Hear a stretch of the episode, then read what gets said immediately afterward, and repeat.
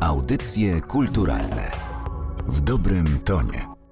Dzień dobry Państwu, Anna Karna. Zapraszam na kolejną rozmowę audycji kulturalnych. Dziś w cyklu Mistrzowie Mówią światowej sławy skrzypek, kameralista, pedagog, artysta uważany za skrzypcowego prawnuka Henryka Wieniawskiego, naznaczony przez samego Witolda Lutosławskiego, który powierzył mu polskie prawykonanie wszystkich swoich utworów skrzypcowych. Profesor Krzysztof Jakowicz. Dzień dobry. Moje uszanowanie. Dzień dobry Pani, dzień dobry Państwu. Skrzypce, boski instrument. Słów już nie słucha, nie byłby w stanie, za dużo ich we wszystkich językach. Wieczności by mu nie starczyło, żeby wysłuchać wszystkich języków świata, a skrzypce w jednym. W skrzypcach są dźwięki wszystkich języków, wszystkich światów, tego, tamtego, życia, śmierci to Wiesław Myśliwski w traktacie o łuskaniu fasoli. Podobno skrzypkowie mają szczególny stosunek do swoich skrzypiec. Nie wiem jak inni, ale ja mam. Uważam, że to jest chyba najwspanialszy przedmiot, jaki człowiek wymyślił. Coś, co jest y, właściwie jedną z ważniejszych rzeczy w moim życiu. To są skrzypce. Właśnie być może te skrzypce, które mi towarzyszą, ostatnio obliczałem, chociaż nie lubię wracać do przeszłości zanadto, ale gram mniej więcej na skrzypcach jakieś 75 lat i wciąż mam wrażenie, że zaczynam. Dlatego jak pani mówi, że to jest spotkanie z mistrzem, to ja trochę protestuję, ale bardzo jest mi miło oczywiście. No więc skrzypce są absolutnie moją fascynacją. Myślę, że za pomocą skrzypiec można bardzo wiele wyrazić, nie używając słów. I to jest y, piękne w skrzypcach, które znalazły się w moim ręku zupełnie przypadkowo, ponieważ moich rodziców po wojnie nie było stać na fortepian ani na zakup jakiegoś drogiego instrumentu, to kupili mi skrzypce. No i na szczęście spotkałem wspaniałych pedagogów, którzy mnie zainspirowali do tego grania na skrzypcach, którzy, jak mówię, byli moimi aniołami, którzy wciąż mi towarzyszą w moim życiu. Te skrzypce trzymam do dzisiaj i myślę, że jest coś w skrzypcach, które są stare, tak jak moje w tej chwili. Gram na skrzypcach Albaniego z y, końcówka XVIII wieku i myślę, że trzymanie skrzypiec, trzymanie tego drzewa z którego są skrzypce zrobione, być może daje też rodzaj jakiejś dodatkowej siły. W każdym razie te skrzypce pokochałem właściwie od razu jako dziecko i każde kolejne skrzypce, które mi rodzice kupowali, musiały nocować ze mną. To znaczy nie dosłownie, ale gdzieś na krześle obok mnie. No i tak właściwie zostało do dzisiaj. Myślę o tym, że to jest wielki dar, że człowiek może grać na skrzypcach i może myśleć wciąż o tym, żeby doskonalić swoją technikę, swoją sztukę, mając tyle lat co ja. A nagroda jest nadzwyczaj prosta. Każde spotkanie ze słuchaczami, zwłaszcza z tymi, którzy po raz pierwszy są na koncercie, albo rzadko bywają i powiadają w kościele na przykład, że jak słyszą skrzypce, to mówią, że wie pan, zawsze sobie kościół kojarzyłem z organami, a tu nagle skrzypce. Wie pan, że to jest ładniejsze niż organy, ja mówię, bo to jest ładniejsze, państwo się nie mylą, tylko trzeba bardzo poważnie to traktować i państwo poważnie traktować. I ja tak robię, nauczony nauczonym doświadczeniem, nauczony przez moich aniołów, których, jak wspomniałem, już bardzo wielu występuje w moim życiu aniołów ziemskich. Jeśli mówimy o latach, to doliczyłam się pewnego jubileuszu, a mianowicie 65-lecia przyjaźni z maestro Jerzym Maksymiukiem. Oczywiście myśmy się poznali na studiach w Warszawie. Ja zjechałem do Warszawy z Wrocławia, on z Białego Stoku. No i los nas skojarzył, mieszkaliśmy w jednym pokoju przez lata. No i zaprzyjaźniliśmy się do dzisiaj, właśnie ta nasza przyjaźń trwa. Moja fascynacja Jurkiem w dalszym ciągu trwa. Też jest takim człowiekiem, który właściwie nieustannie pracuje. Ja nawet używam czasami takiego twierdzenia, że w jego żyłach płynie muzyka. Wielka osobowość, ja myślę, że to jest jeden z filarów polskiej muzyki ostatniego no właśnie 60-lecie, jeśli mówimy o tej przyjaźni naszej, czy tam 65-lecia. Człowiek wciąż fascynujący, z którym nawet był czas, że grywaliśmy razem, bo on był świetnym pianistą, więc w czasach, kiedy mieszkaliśmy w Dziekance w jednym pokoju, to grywaliśmy razem. Pamiętam mity Szymanowskiego, a potem już jako dyrygent zapraszał mnie na turnę Polskiej Orkiestry Kameralnej, z którą żeśmy zresztą zagrali w Carnegie Hall swego czasu. To był debiut Polskiej Orkiestry Kameralnej mój też. No i napisano po, po koncercie w Carnegie Hall w recenzji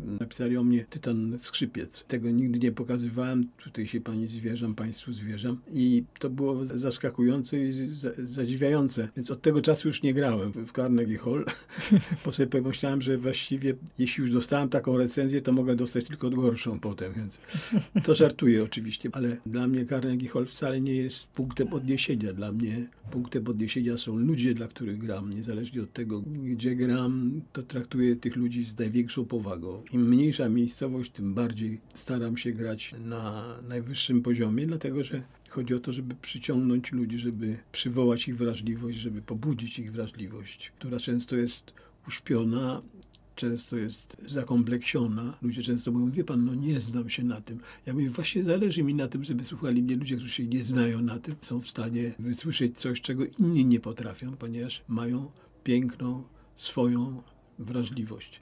Bo dla Jurka zawsze była to Carnegie Hall było takim sygnałem, wezwaniem. Pamiętam, żeśmy ostatni koncert na tym turnie grali właśnie w Carnegie Hall i ja się próbowałem po poprzednim wieczorze w Chicago w samolocie rozluźnić, zdrzemnąć chwilkę, no bośmy skończyli późno w Chicago i lecimy samolotem do Nowego Jorku, gdzie gramy w Carnegie Hall tego wieczoru i Jurek nagle, a on ciągle to Carnegie Hall przez całe turnie mu chodziło po głowie. On, my gramy w Carnegie Hall, a mistrz śpi. Jak to jest możliwe? Więc się wtedy zdenerwowałem, muszę powiedzieć. Na tym polegają te piękne cechy, piękne różnice, które nas też różnią, prawda? Bardzo szybko, jeszcze w czasie nauki zdobywał maestro mm, nagrody, to były lata 60., to były nagrody zarówno w Polsce, jak i poza jej granicami. Czy w tamtych latach, czy wtedy muzyka klasyczna była dla pana oknem na świat? No niewątpliwie tak, bo myśmy byli takimi w pewnym sensie ambasadorami Polski.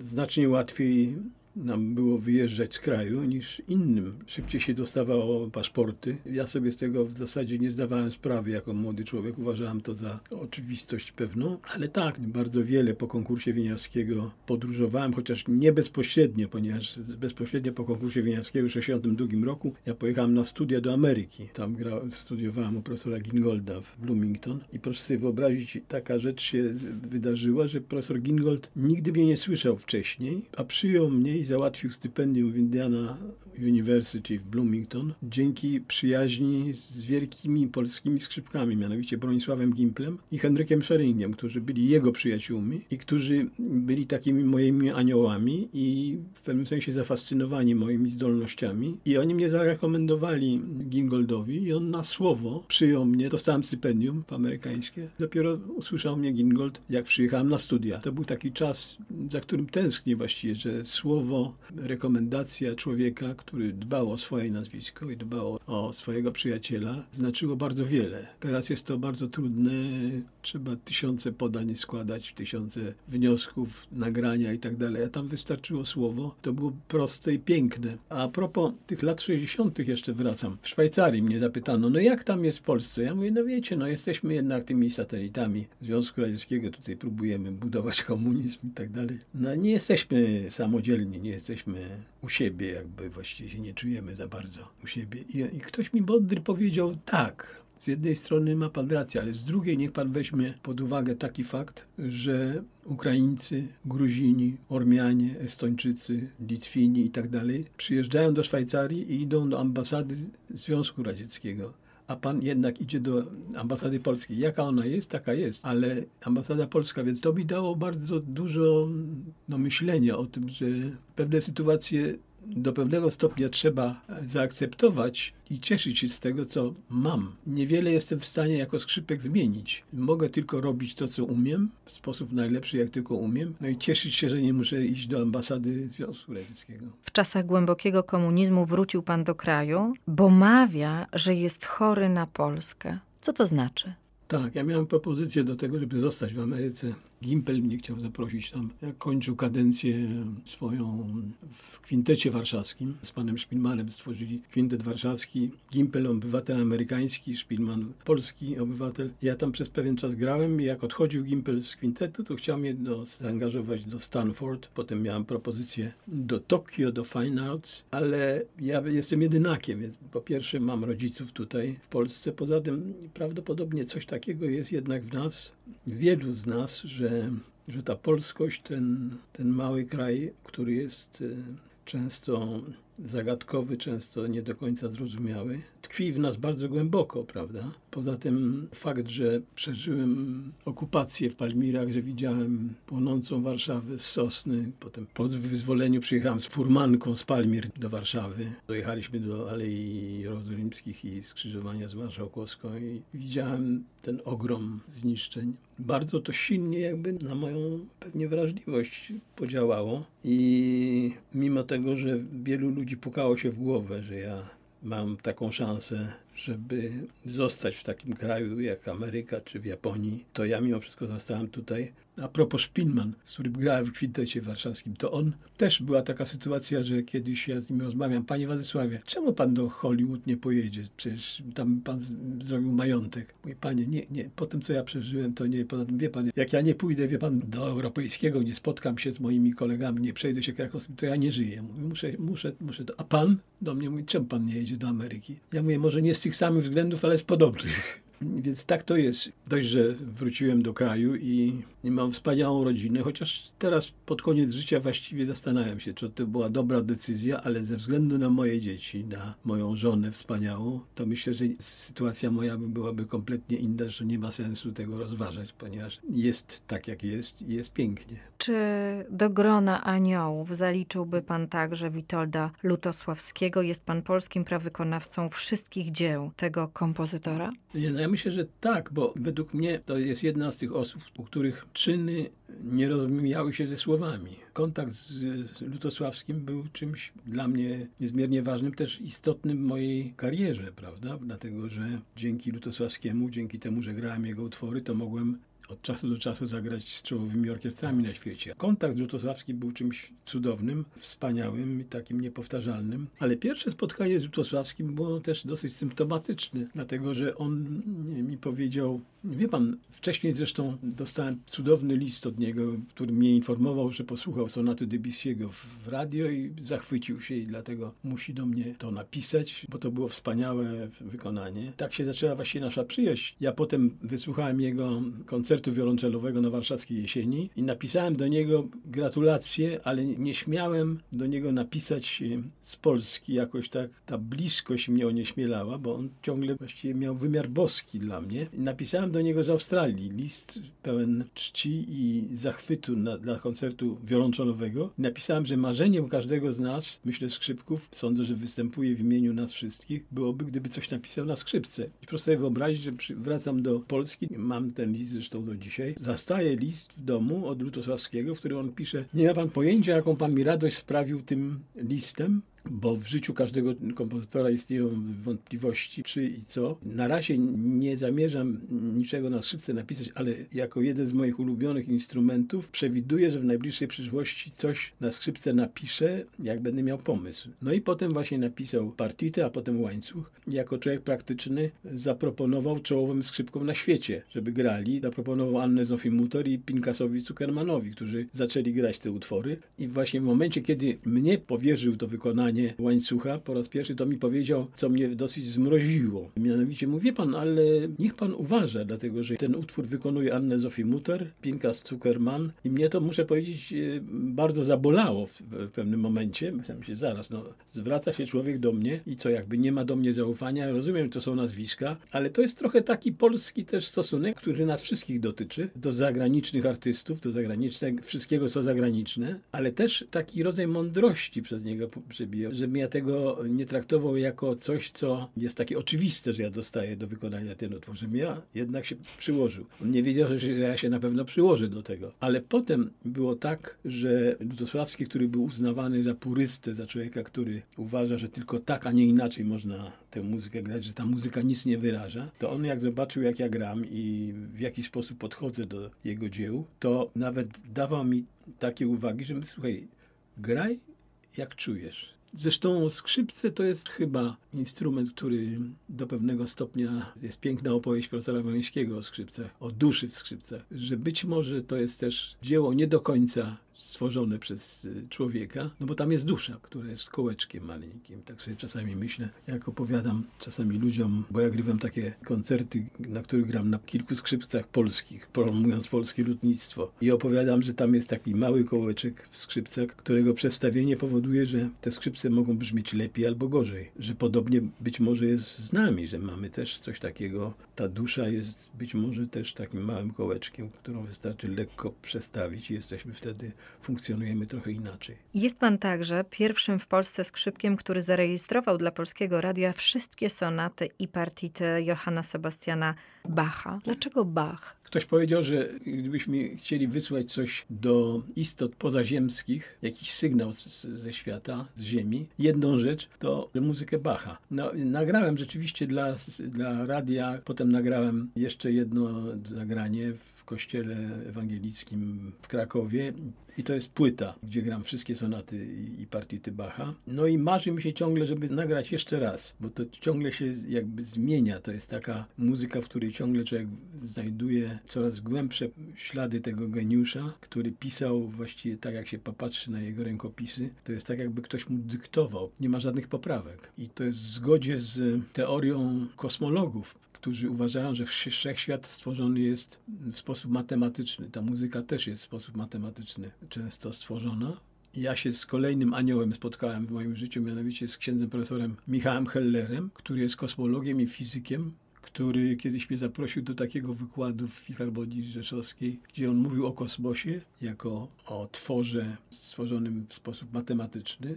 A ja grałem Bacha i tutaj znalazłem taką część z partity Hamol, właściwie cała partita Hamol tak jest napisana, że jest część zasadnicza, a potem wariacje. I się okazuje, że jest dokładnie tyle samo taktów, dokładnie taki sam przebieg harmoniczny, jak się gra to razem, te dwie części, to się idealnie zgadza. On się bardzo ucieszył, bo to jest według mnie jeden z dowodów na istnienie Boga, też powiadał ksiądz Heller. Zresztą postać niezwykła, bo on dostał nagrodę Templetona za stawianie pomostów między religią a fizyką i kosmologią. Półtora miliona dolarów, które postanowił w obecności księcia Filipa, który mu wręczał tę nagrodę.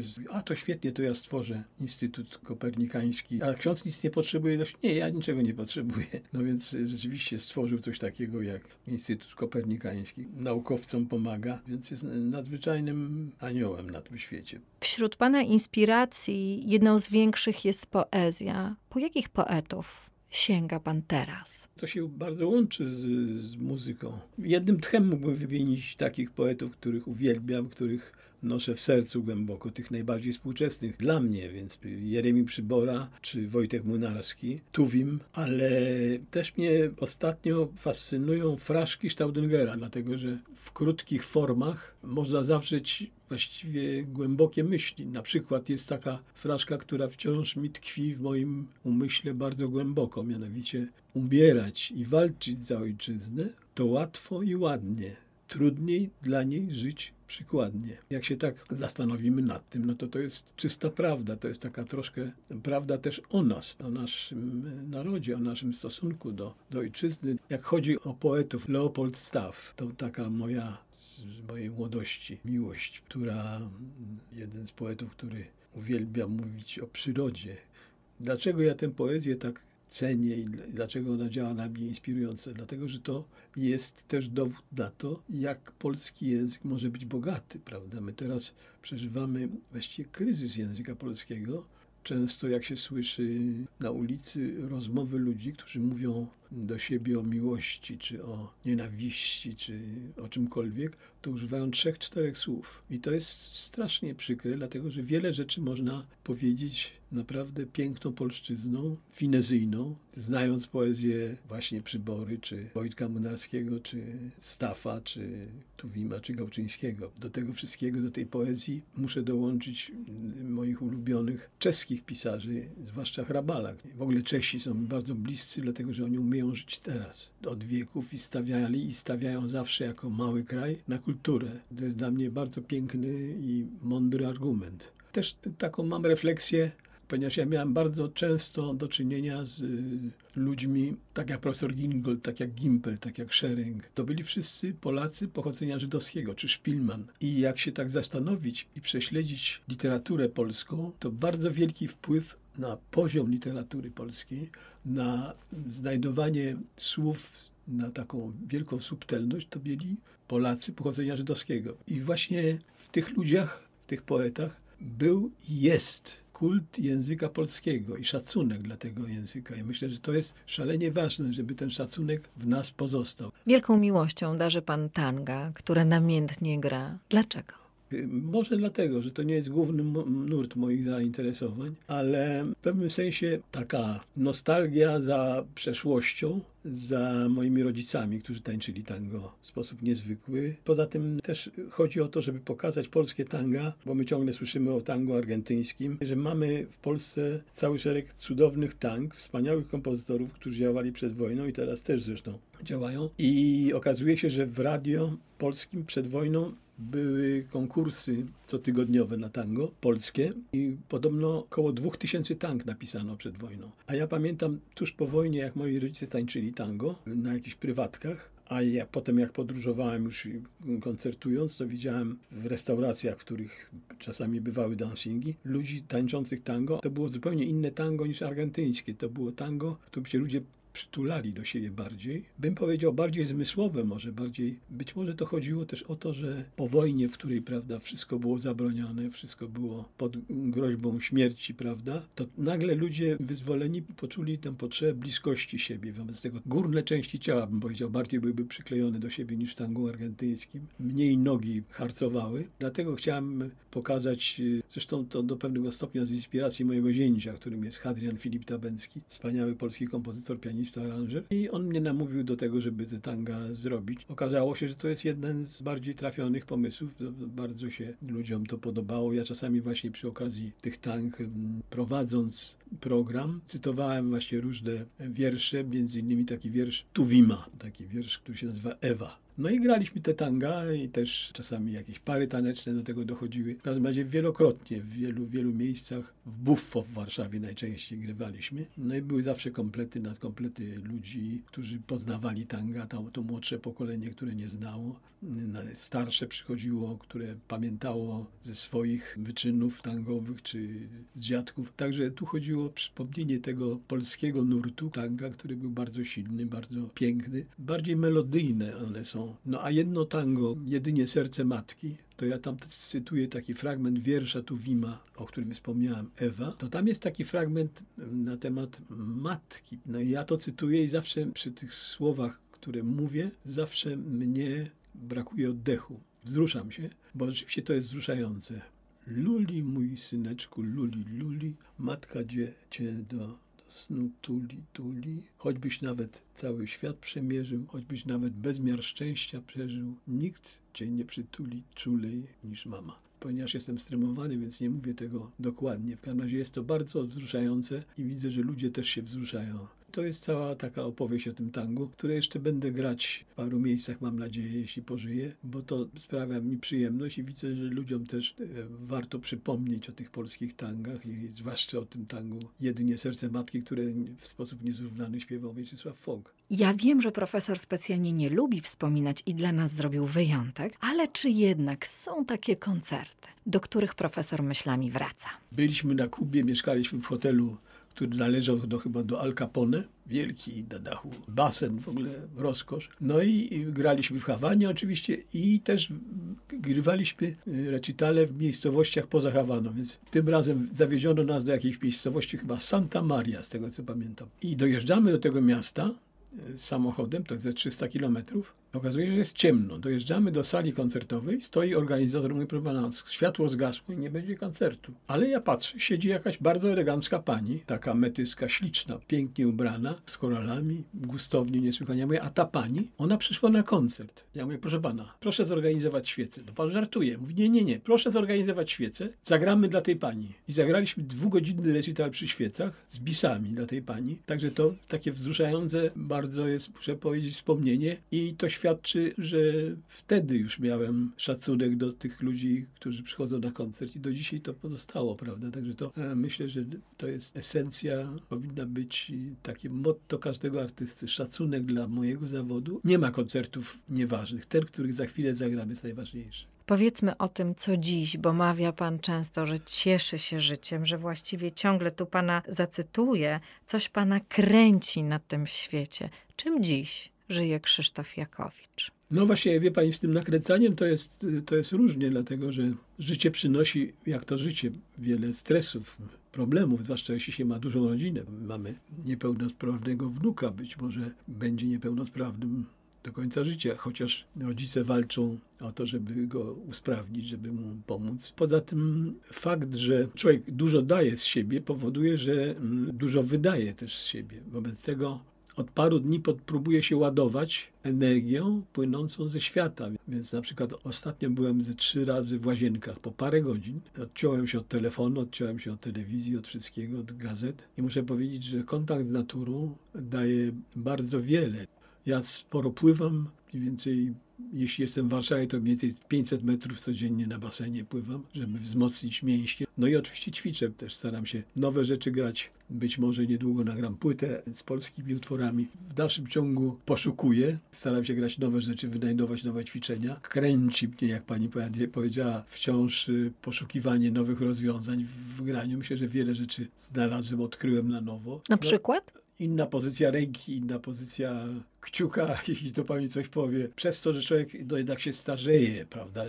Te mięśnie nie są takie jak dawniej. Więc trzeba znajdować takie sposoby, jeśli się chce grać dalej, a ja chcę, jako może jakiś rekord Guinnessa pobiję dzięki temu, ale to nie dlatego chcę, bo to jest taka wewnętrzna moja potrzeba i też część mojego życia. Poza rodziną to mnie kręci, że tak powiem, to mnie interesuje i to mnie zachwyca wciąż, bo ten zachwyt człowiekowi musi towarzyszyć, powinien towarzyszyć do końca, jeśli biologia na to to pozwoli oczywiście. No więc staram się tej biologii pomagać, zdając sobie sprawę z nieuchronnego przemijania, które jakby akceptuję i też specjalnie nie tęsknię do jakichś pomników, do jakichś wspomnień. Ważne jest dla mnie dzielenie się z ludźmi tym, co umiem teraz w sposób możliwie najlepszy. Więc jakieś koncerty latem będę mieć na przykład w Praniu. Tam jest jubileuszowy festiwal u Gałczyńskiego w sierpniu, więc na ten koncert się bardzo cieszę. Mamy koncerty z Waldkiem Malickim zaprogramowane w Końsznej u Padereckiego. Pory roku będę grać niebawem. Jest co robić na szczęście i staram się robić to z wielką przyjemnością, z radością, żeby tę radość potem przekazywać tym, którzy będą na moim koncercie. Od wczesnych lat 60. zdobywa pan nagrody na całym świecie, ale wywróżono panu, że najlepiej będzie pan grał po 60. Wróżba się spełniła? Znaczy ja jej muszę pomagać. Profesor Wroński, mój mistrz, który był również astrologiem, był człowiekiem, który zadania szachowe układał i on miał horoskop każdego z nas. Zresztą mu się nie zgadzał ten horoskop, bo ja mam miejsce urodzenia Palmiry, a de facto urodziłem się w czasie ucieczki z Warszawy w Rowie, miejscowości Puznówka. Więc jak e, zrobił najpierw obliczenia, mu się nic nie zgadzało, to mówił, niech pan się dowie, gdzie pan się właściwie urodził. Okazało się, że urodziłem się w drodze, nie wiedziałem, że to jest takie ważne i godzina była ważna. I on mi postawił horoskop, który się w zasadzie zgadza. On mi powiedział, że po 60 będę grać prawdopodobnie lepiej niż sobie wyobrażam kiedykolwiek. Horoskop horoskopem, ale ja jestem człowiekiem praktycznym i uważam, że takiemu horoskopowi trzeba pomagać. Stąd ja pracuję ciągle, prawda, nad tym, żeby tak istotnie było. W każdym razie na pewno gram inaczej niż kiedyś, ale jak słucham tych dawnych nagrań, to wtedy miałem dużo zastrzeżeń, bo zawsze po nagraniu człowiek ma zastrzeżenia, zresztą nie lubię wracać do swoich nagrań, to widzę, że one wcale nie były takie najgorsze. Niektóre są całkiem, całkiem. Ale wiele rzeczy gram inaczej oczywiście, no i staram się rozwijać, staram się uprawomocnić tę diagnozę profesora Wońskiego. Bardzo dziękuję za to spotkanie. W cyklu Mistrzowie Mówią gościem audycji kulturalnych był profesor Krzysztof Jakowicz. Ja dziękuję. Audycje kulturalne w dobrym tonie.